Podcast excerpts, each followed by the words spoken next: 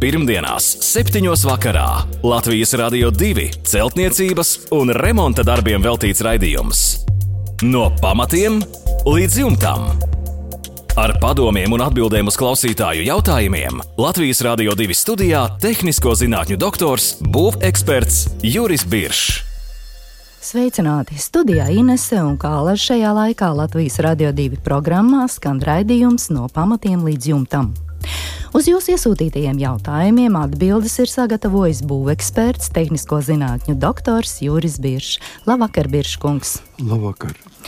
Šovakar mēs plašāk runāsim par sēnu koka māju problēmu lienošo mājas sēni, jeb brantu, un noskaidrosim, kāpēc šī sēne rodas un veic savus posta darbus, bet galvenais, kā ar to cīnīties un galu galā arī uzveikt.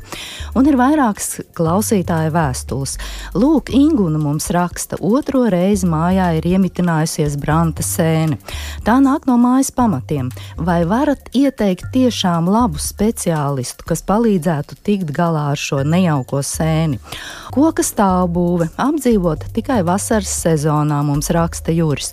Virtuves stūrī virs grīdas pamanījām sarkanīgas pūkas. Noņēmām linoleju, uzlauzām grīdas dēļus un konstatējām, ka pagrīdē ir izplatījusies sēne, dēļ daļēji pat sairst. Laboratorijā apstiprināja visļaunākās aizdomas - tas ir brants. Ko darīt? Vai iespējams to apkarot arī pašu spēkiem? Nu, droši vien, Biržkungs, sāksim ar visu pēc kārtas. Kas tad ir brāns un kāpēc tas rodas un apdraud mūsu mājas? Jā, nu, teiksim, tā pavisam vienkārši brāns ir savdabīgs nu, teiksim, sēņu paveids. Tā saucamās puves sēne, mājas puves sēne. Nu, viņa ir ļoti sena kā mēs zinām, senāk droši vien pat pa visu cilvēci, un viņi ir šādi un tad labos apstākļos, sev labos apstākļos, ieviešās pie mums mājās. Nu, es gribētu teikt uzreiz, īpaši tas attiecas uz Ingūnu, es gribētu teikt, ka nav nekādi, nu, vismaz man nav zinām, nekādi labie speciālisti vai sliktāki speciālisti, kas speciāli noņemtos ar šīm sēnēm. Nu, tik daudz mums viņa izplatīta nav, teiksim, Savienības laikos viņi bija nu, vispār ļoti pamazs.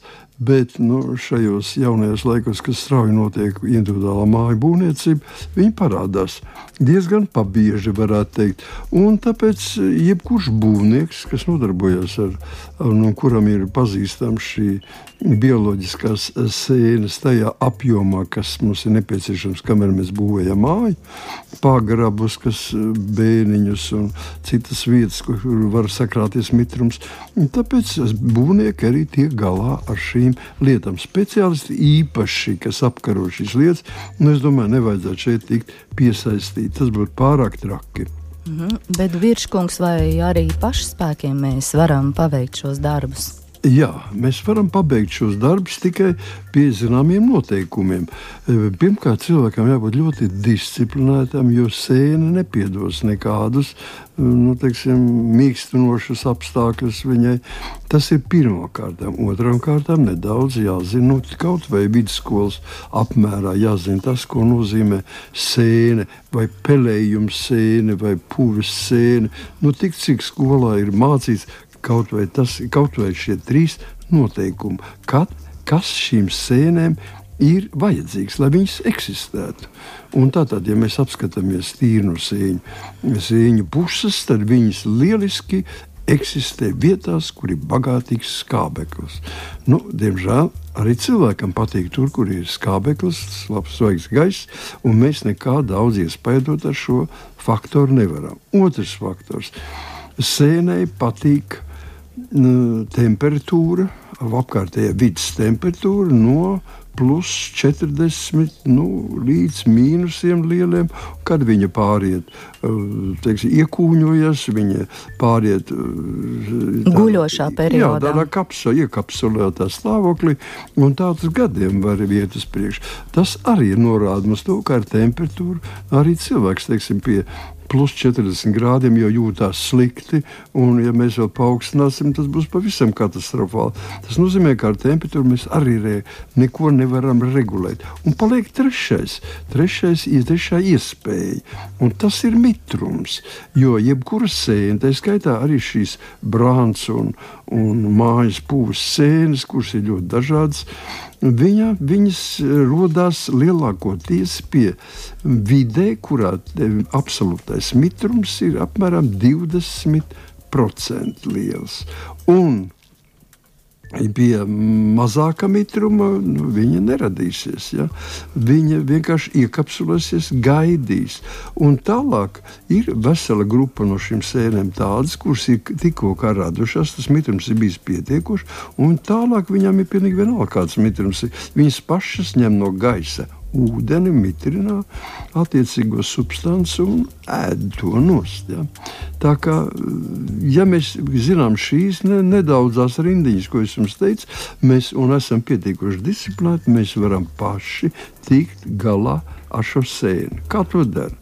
Pirmkārt, mēs Nu, es gribētu teikt, kā būtu pareizi darīts. Mēs iegādājamies dezinfekcējušus līdzekļus, uh, Nu, tādi ir ļoti daudz un ļoti dažāda, dažāda, dažādām, dažādu firmu. Um, līdzekļi pārdodam bum, jebkurā būvmateriāla veikalā. Un ņemam šo līdzekli, iepildām smidzināšā aparātā un izsmidzinām. Vistabā kā viņš nu, lielākoties to mēs varam darīt ar tādu nu, teiksim, dezinficējušu līdzekli, kas nesēd, kas ir neitrāls attiecībā pret visu. Lielākoties tādi ir.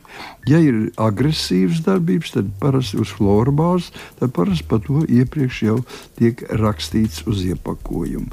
Un tā šādi neitrāli dezinficējuši līdzekli mēs izsmidzinām visas telpas teiksim, ja jums ir ēka, un ēkā ir piecas telpas, tad viss šis telpas, neskatoties, ka sēni tikai aizdoma mm, teiksim, vienā telpā.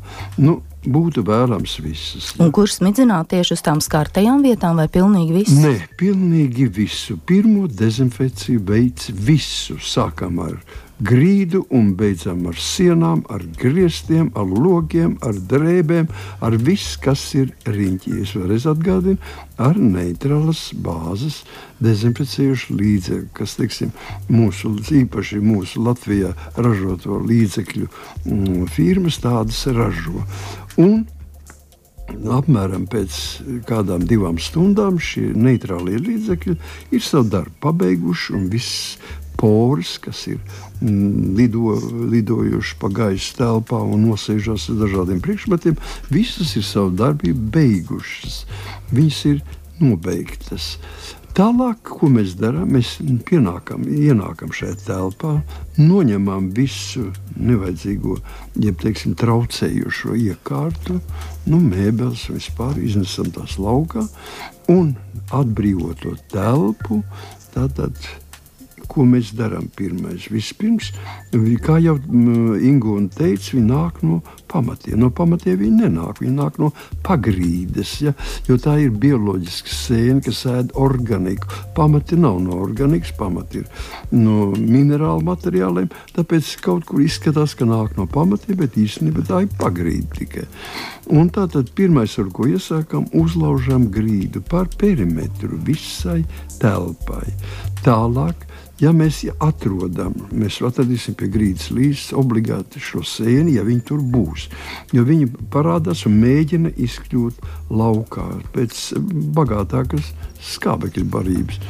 Un šajā gadījumā mēs atrodot pašu sēni, neskaramies ar rokām klāt, bet uh, dezinficējam to ar agresīva tipa dezinficējuša līdzekli, kas ir balinoši, kam ir piemīt balinošas īpašības, agresīvas, balinošam īpašība, diemžēl ārkārtīgi nepatīkami smakojuši pēc chlo, uz chlora bāzes. Un tur noteikti jāievēro ir visi aizsardzības Jā, nu, līdzekļi. Aizsardzības līdzekļi bija jāiemanto arī pirmoreiz. Tas nozīmē, ka jums jābūt ir vismaz marlis apsējam, ja ne, ja ne teiksim, tādā mini miniatūras gāzes gāzmaskiņā, ja?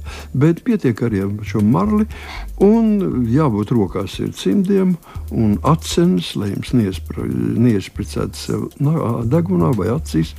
Un priekšā tas ir obligāti. Jebkurā gadījumā nodarboties ar dezinfekcijas darbiem. Nu, lūk, mēs uzlaižot tieši konkrēti uz sēņu vietu vai uz šo rajonu, kur mēs redzam konkrētu mm, puves sēnu, mēs viņu vienkārši izšķīdinām. Jā, ar, šiem, ar šiem dezinfekcijas līdzekļiem viņi vienkārši izšķīst. Tālāk mēs laužam ārā visu, visu grīdu ja viņi ir reiz bijusi pagrīdē, un skatāmies, kas notiek ar sienu. Sliktākos gadījumos pie ļoti lielām e, in, teiksim, invāzijām mēs uzlaužām arī sienas materiālu, līdz, teiksim, ja koka apšuvums ir vai no koka dēlīša apšuvums vai tapetes, tad mēs to noņemam visu nos līdz palodas līmenim. Un tālāk ir redzams, vai viņš ir gājis uz augšu vai nav. Īpaši svarīgi ir durvju stenderes, mm, kas ir momentā jāatsedz visām klaidēm, lai mēs redzētu, kur viņš virzās augšu. Jo šai sēnē piemīt zināms teiksim, teiksim, negribu neko pārspīlēt, bet teikt, viņiem ir zināma nojausma, ja, intuīcija. Viņi dodas parasti uz augšu, uz otro stāvu un tā darbojas tur. Ātrums, ar kādu sēnu sēž koka māju, ir apmēram viens stāvs gadā. Tas ir ļoti, ļoti būtiski. Nu, lūk, šādā veidā visu dezinfekcijot, atsedzot, mēs pēc tam izturam laiku. Nu, teiksim, tas ieteicams būt pie pozitīvām temperatūrām. Mēs iesakām teiksim, nedēļu un katru ne, teiksim, nedēļu mēs liekam mieru visam. Pēc tam skatāmies, vai aug vēl kaut kur vai neaug. Ja turpina augt, mēs dezinfekcijam, atkārtojam, atkārtot un atkal skatāmies. Pēc divām, trim nedēļām vairāk, ja nekas nav audzis divas, trīs nedēļas, vairāk arī neaugs. Viss ir dezinfekcēts, viss ir attīrīts. Mēs no šī brīža varam sākt atjaunot mūsu grīdu grīdas, mājas sienu vai nu, tās vietas, kur, tas, kur tās dezinfekcija ir, tikusi noteik, no, ir notikusi. Un cenšamies pielietot pēc iespējas mazāk koku materiālu. Plastikātus mēs varam likt, varam, varam betona grīdas un tā tālāk, kas mazāk kalpot par barību. Mhm. Jā, paldies, Biržkungs. Izklausās pamatīgs darbs mūsu klausītājiem, bet ar pacietību to visu var paveikt un arī uzveikt šo nejauko sēni, kuras vārds ir brāns. Un es lasīju, ka šī sēne pat burtiski izsūc mitrumu no koku konstrukcijām, un koks paliek pat trausls. Jā, kaut kas līdzīgs notiek. Viņi jau gan dažādi sauc, jā, ļoti populāri viņi sauc par tā saucamo raudošā sēne. Tas brāns ir raudošā sēne raudošā puve. Jo viņa, viņa iesā, iesākusi savu dzīvi pie lielāks mitrums, kā 20%. Tālāk viņi var mierīgi sagraust jūsu drēbes kapu, kurā nav nekādi procenti, kur ir sauss, bet viņa vienkārši mitrina ņem no gaisa mitrumu, parādās uz sēnes ķermeņa, parādās šie, šie mm, pilieni, pilieni kur tāpēc ir radīts nosaukums mm -hmm. raudošā sēne. Ļoti skaista no virspuses un ļoti mm, ļauna. Tāpēc, eh, saprotiet, tā ir ar baltu vidu, gaišs, dzeltenīgi balts vidus ar apmēram 5 cm platām malu, sarkanīgi brūnā krāsā. Nu, Es teiktu, ka tā ir tiesa, tas auglis, kas ir uh mhm. -huh. paši vadi, sēņotne, stiepsies ļoti, ļoti attālu, lielos, pat vairāk kā desmit metru attālumā. Jā, tā kā striķveidīgi. Jā, pat. tie kā mhm. striķveidīgi. Uh -huh. Un var sasniegt pat 3-4 mm teiksim, nu, caurmērā. Tomēr precīzi noteikt, vai tā ir tieši branta sēne, lienošā, raudošā, to tomēr varēs noteikt precīzi tikai laboratorijā. Nu, vai nu laboratorijā, vai arī jūs vienkārši salīdziniet. Jā. Piemēram, man ir grāmata izdota, un teiksim, šajā grāmatā ir, ir arī speciāla nodaļa, kas veltīta šīm sēnēm, un tur ir foto uzņēmumi, krāsaini, kur jums liekiet klāt pie sēnes, un, var, tur, un tur var arī visas. atpazīt. Jā, tur var Jā. parādīt gan balto mājas piepi, gan mm, teiksim, brūno mājas piepi, gan arī brantu. Paldies, Biržkungs, par izsmeļošo atbildi. Pirmdienās, 7. vakarā Latvijas Rādio 2 celtniecības un remonta darbiem veltīts raidījums. No pamatiem līdz jumtam. Ar padomiem un atbildēm uz klausītāju jautājumiem Latvijas Rādio 2 studijā - tehnisko zinātņu doktors, būveksperts Juris Biršs. Un turpinām ar Kaspar iesūtītajiem jautājumiem. Tuvākajā laikā plānoju savai jaunbūvei nosiltināt lentveida pamatus un arī sienas. Kurā augstumā būtu pareizāk veidot salaidumu līniju? Tieši horizontālās hidroizolācijas vietā vai varbūt to nobīdīt augstāk vai zemāk? Pamatiem ekstrudētais putu polisterols, ārsienām akmens vate. Un Kaspars ir pievienojis arī ļoti uzskatāmu fototēlu, un šāds ir viņa pirmais jautājums? Jā, nu, šis jautājums ir, nu, diemžēl, es tā gribētu, lai visi cilvēki ļoti labi būtu skolā mācījušies fiziku un, un saprastu, ka arī ēka ir sava veida sistēma, kurai piemīt tās pašas īpašības, kas teiksim, nu, visām citām sistēmām, arī dzīvām sistēmām, kuras apmainās ar enerģiju, apmainās ar dažādiem mm, gāzēm, ar gaisu, ar, ar mitrumu un tā tālāk. Ot, redziet, mājai ir horizontālā hidroizolācija. To eh, Kaspars ir ievērojis. Tā ir vieta, kas ir piepacelta virs grunts līmeņa. Tātad visa daļa, kas atrodas no pamatiem virs grunts līmeņa, mēs saucam par cokolu. Un tātad uz šī horizontālā cokola ir uzklāta horizontālā hidroizolācija. Tālāk seko sienu materiāls, teiksim, gāzbetons vai ķieģeļi vai betons un tā tālāk. Tālāk, ko mums šeit dara? Mums ir jāsaprot, ka visi mitrumi, kas nāk no augšas, caur materiālu, caur materiālu struktūru, nonākot lejā, nonāks līdz šai hidroizolācijas līmenim. Un visi apakšējie mitrumi, kas ceļas no grunts uz augšu kapilārā veidā, uzsūcās, tie visi arī nonāks pie šīs no vienas puses un no otras puses. Uz kur pusi viņi ies? Mitrums atceramies uz mūžiem. Mitrums iet no negatīvas temperatūras uz pozitīvu temperatūru. Tātad, kur viņš virzīsies dabiski, viņš virzīsies, pacēlies uz augšu, virzīsies uz ēkas iekšpusi kas nav mums absolūti pieņemams. Ja viss mitrums dabiskā ceļā Tātad gan augšējais mitrums, gan apakšējais koncentrējas pie šīs horizontālās hidroizolācijas un dodas ēkas virzienā. Lai tas tā neietu, mēs viņu nosprostojam. Tātad atstājam pilnīgi brīvu šo sa salaidumu līniju ārpusē, un iekšpusē mēs viņu liekam priekšā šķērsli. Nu, teiksim, ekstrudētā putekļa stirola 3 cm, 5 cm slāni mēs liekam viņam virsū. Un tagad mitrums netiek uz iekšā tālāk. Viņš uzkrājās šajā zonā, horizontālās hidroizolācijas zonā, viņš uzkrājas, uzsilst, jo ēka ir silta, pāriet tvaikā un tiek izmests ārā par atvērto salaiduma līniju ar siltumu, kurš iet pretējā virzienā, kas vienmēr iet no sasilšas vietas uz augstu vietu. Ja? Tātad mēs zinām, siltums, viss, kā mēs ar nekurinātu telpu, viss siltums aiziet gal galā ārpusē un atdzies šī telpa. Un tātad kopā ar siltumu aiziet arī tvaika veida ūdens. Tāpēc mēs sakām, ka horizontālā hidroizolācija ir vieta, kur mājai ir plaušas. Nu, teiksim, tā pārnestā nozīmē, protams. Ja? Un tāpēc šo līniju vēlreiz atkārtoju, kas param ļoti svarīgi. Šo līniju mēs atstājam no ārpuses pilnībā redzamu, un no iekšpuses pilnībā nosacām.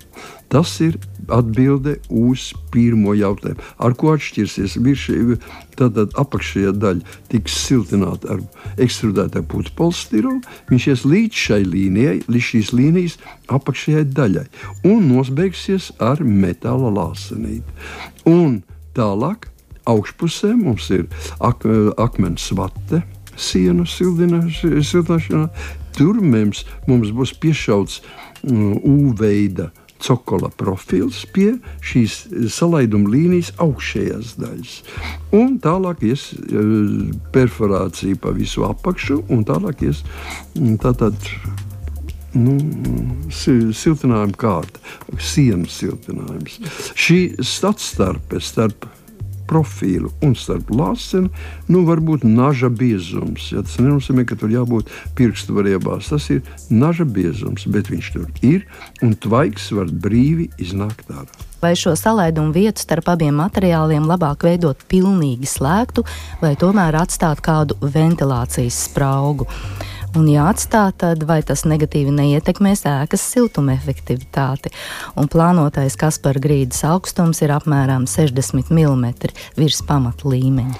Nu, vajag runāt tādā pašā, teiksim, kā mēs iesākam, kā Kaspars iesāk. Ja viņš sauc par salaidumu līniju, šo horizontālo hidroizolāciju. Tā arī, arī teikt, ka, ka tīrā grīda, plānotā tīrā grīda ir aptuveni 60 mm virs šīs līnijas. Nu, es teiktu, ka viņi ir vismaz divreiz vairāk, vajadzētu būt apmēram 10, 12 cm. Tas skaitās normāls. Ja? Un visa šī daļa ir aizsargāta, lai no iekšpuses nekā ne, nevarētu ienākt iekšā šis mitrums no ārpuses visu šo līniju um, jāatstāj ārpusē vaļā. Es saprotu, ka ir teiksim, tādas situācijas, kad jūs gribat iegūt ap mājas apmetumu, kurš ir no sākās no sienām un iet līdz pašai, nu, teiksim, līdz pašai gruntī, iet nepārtraukts un nav nekādas līnijas, nekādas dzegas. Tādos gadījumos, tā tas ir pilsētās ļoti bieži, tādos gadījumos mēs ik pēc apmēram pusotra metra veidojam līniju iegriezumu šajā vietā, kas no ārpuses praktiski nav redzama. Bet, ja mēs viņu pameklējam, tad atrodam. Un tad ik pēc pusotra metra mums ir apmēram 10-15 cm līnija iegriezums, un, kas norāda to, ka šī ventilācija ir vajadzīga. Tātad ventilācija ir vajadzīga, ja fasādi veido vienā gabalā. Ja viņi veido teikt. vienā gabalā, arī tādos gadījumos ievēro šo likumu. Ja jūs to nedarīsiet, nu, tas nozīmē, ka jūs vienkārši atļaujat mitrumam nākt iekšā. Jūs sakat, ka mauna mitrums, un viņš dodas pie jums ciemos ar visām izrietošām sekām, visām alerģijām, bērnu slimībām, smagu gaisu, mitrumu un tā tālāk. Ar visiem posta darbiem. Tieši tā. Jautā klausītājs! Dzīvojam 119. sērijas daudzdzīvokļu mājas pēdējā stāvā. Mājai nav siltinātas ne ārsienas, ne arī bēniņi. Dzīvoklim nav mainīti logi. Cik svarīgi ir nomainīt esošos logus pret ļoti kvalitatīviem logiem, ja mājai tuvākajā laikā netiek plānota siltināšana? Jā, nu, tas ir slikti. 119. sērija, protams, ir Padomu Savienības laika pēdējā modernākā sērija, kas mums Rīgā bija. Un tā tad nu, sastāvoši ļoti liela daudzuma betona, saliekamā betona konstrukcijām, tas ir diezgan labi siltuma vadošs materiāls. Līdz ar to siltinājums nenāktu par skādi. Ja tas tā nav, nu, tad jāmēģina iztikt saviem līdzekļiem. Nu, tātad, ko es gribētu pateikt visiem šiem cilvēkiem? Siltuma uh, bilance visam dzīvoklim būs atkarīga ne tikai no jūsu logiem, ne tikai no no teiksim, bēniņu pārseguma, ne no grīdas, bet sienām, bet gan viss kopumā. Un tas, tas dod mazliet mums cerības uz to, ka palielinot, ļoti spēcīgi palielinot kādu no šiem elementiem, siltuma efektivitātes ziņā, mēs iegūsim arī kopēji, pacelsim to kopējo uh, līmeni augstāk. Tāpēc uh, jūs gadījumā, kad nav ne ārsienas, ne bēniņi siltināt, ko par bēniem jau sevišķi vajadzētu parūpēties. Tā ir vienkārši nolaidība. Nu, ārsienas ir savādāk, tur ir savs arhitektoniskais skatījums, bet var siltināt sienas no iekšpuses. Un, ja jūs nolēmēt iz, iztikt pirmā sākumā ar logiem, tad tiešām tas ir ļoti svarīgi. Pielietot kvalitatīvus trīs logu rūšu mm, logus, tātad um, paketes kas praktiski ir tikpat siltuma efektīvs kā visa siena. Jā, paldies. Tātad eh, Guntim ir vērts nomainīt šos logus. Tomēr efekts būs un pamazām soli pa solim uzlabot šo mikroklimatu savā dzīvoklī. Un noslēgumā vēl Irēnas vēstule. Kā labāk nokrāsot virtuves krāsojamās tapetes? Tā jau būs trešā reize. Šoreiz sienas ir ar tauku traipiem. Jā, nu tas īpaši labi neskan. Ja? Jūs saprotat, ka tauki, nu, nav, tauki nav savienojami ar krāsvielu. Jautājums agrāk vai vēlāk šajā vietā krāsa atlups, viņa atstās no vietas. Nu, tas ir jau rāda to, ka tapetes ir savu laiku nokalpojuši. Bet nu, tomēr mēs gribam izspiest no viņiem iespējamo, ko tikai mēs varam tad es ieteiktu sekojuši izvēlēties krāsu, ieteicams, ka šo krāsu vajadzētu teiksim, uz ūdens um, bāzes veidotu krāsu, tātad lateksa krāsu lielākoties. Un tad, kad jums būs izvēlēta šī krāsa, kur jūs gribat krāsot, tajā gadījumā pievienojiet viņai klāt vēl sintētiskā lateksa emulsija. Nu, mums būvmateriāla veikalos ir sastopams šis, materi šis materiāls ar dažādiem nosaukumiem, nu, bet viss sastopams viņš ir. Un mēs pielietojam, pievienojam jau teiksim, uz eh, spaini krāsas, mēs varam pielietot teiksim, litru šo, šo uh, sintētiskā lateksa emulsiju, kas palielinās saķeri, kas veidos uh, nu, teiksim, zināmu, zinām, aizsargs slāni, un katrā gadījumā viņš pieķerās tajā vietā, kur ir bijis iepriekš tauki.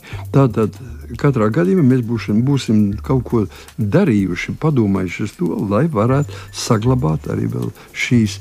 Nu, tāpēc, bet principā es teiktu, ka tas ir pēdējais reizi, kad krāsojam. Tomēr vajadzētu padomāt, kad uh, uz tauku traipiem veidojas vēl papildus spēlējuma iespējas, dažādi bioloģiski raksturu izaugumi. Tāpēc tas var, un, un mēs krāsojam ar sintētiskā lateksa krāsvielām, tas ir ar uz ūdens bāzes krāsvielām, kurš ir labi elpojušas un kas, teiksim, arī varētu pie ļoti spēcīgas teiksim, sasmakuma vai gaisa nekustīguma arī varētu nu, teiksim, radīt zināmas bailes par, jeb risku par pelējumu. Jā, paldies, Biržkungs, par atbildi Irēnai. Radījuma noslēgumā atgādināšu mūsu e-pasta adresi remonds at lr2.lv.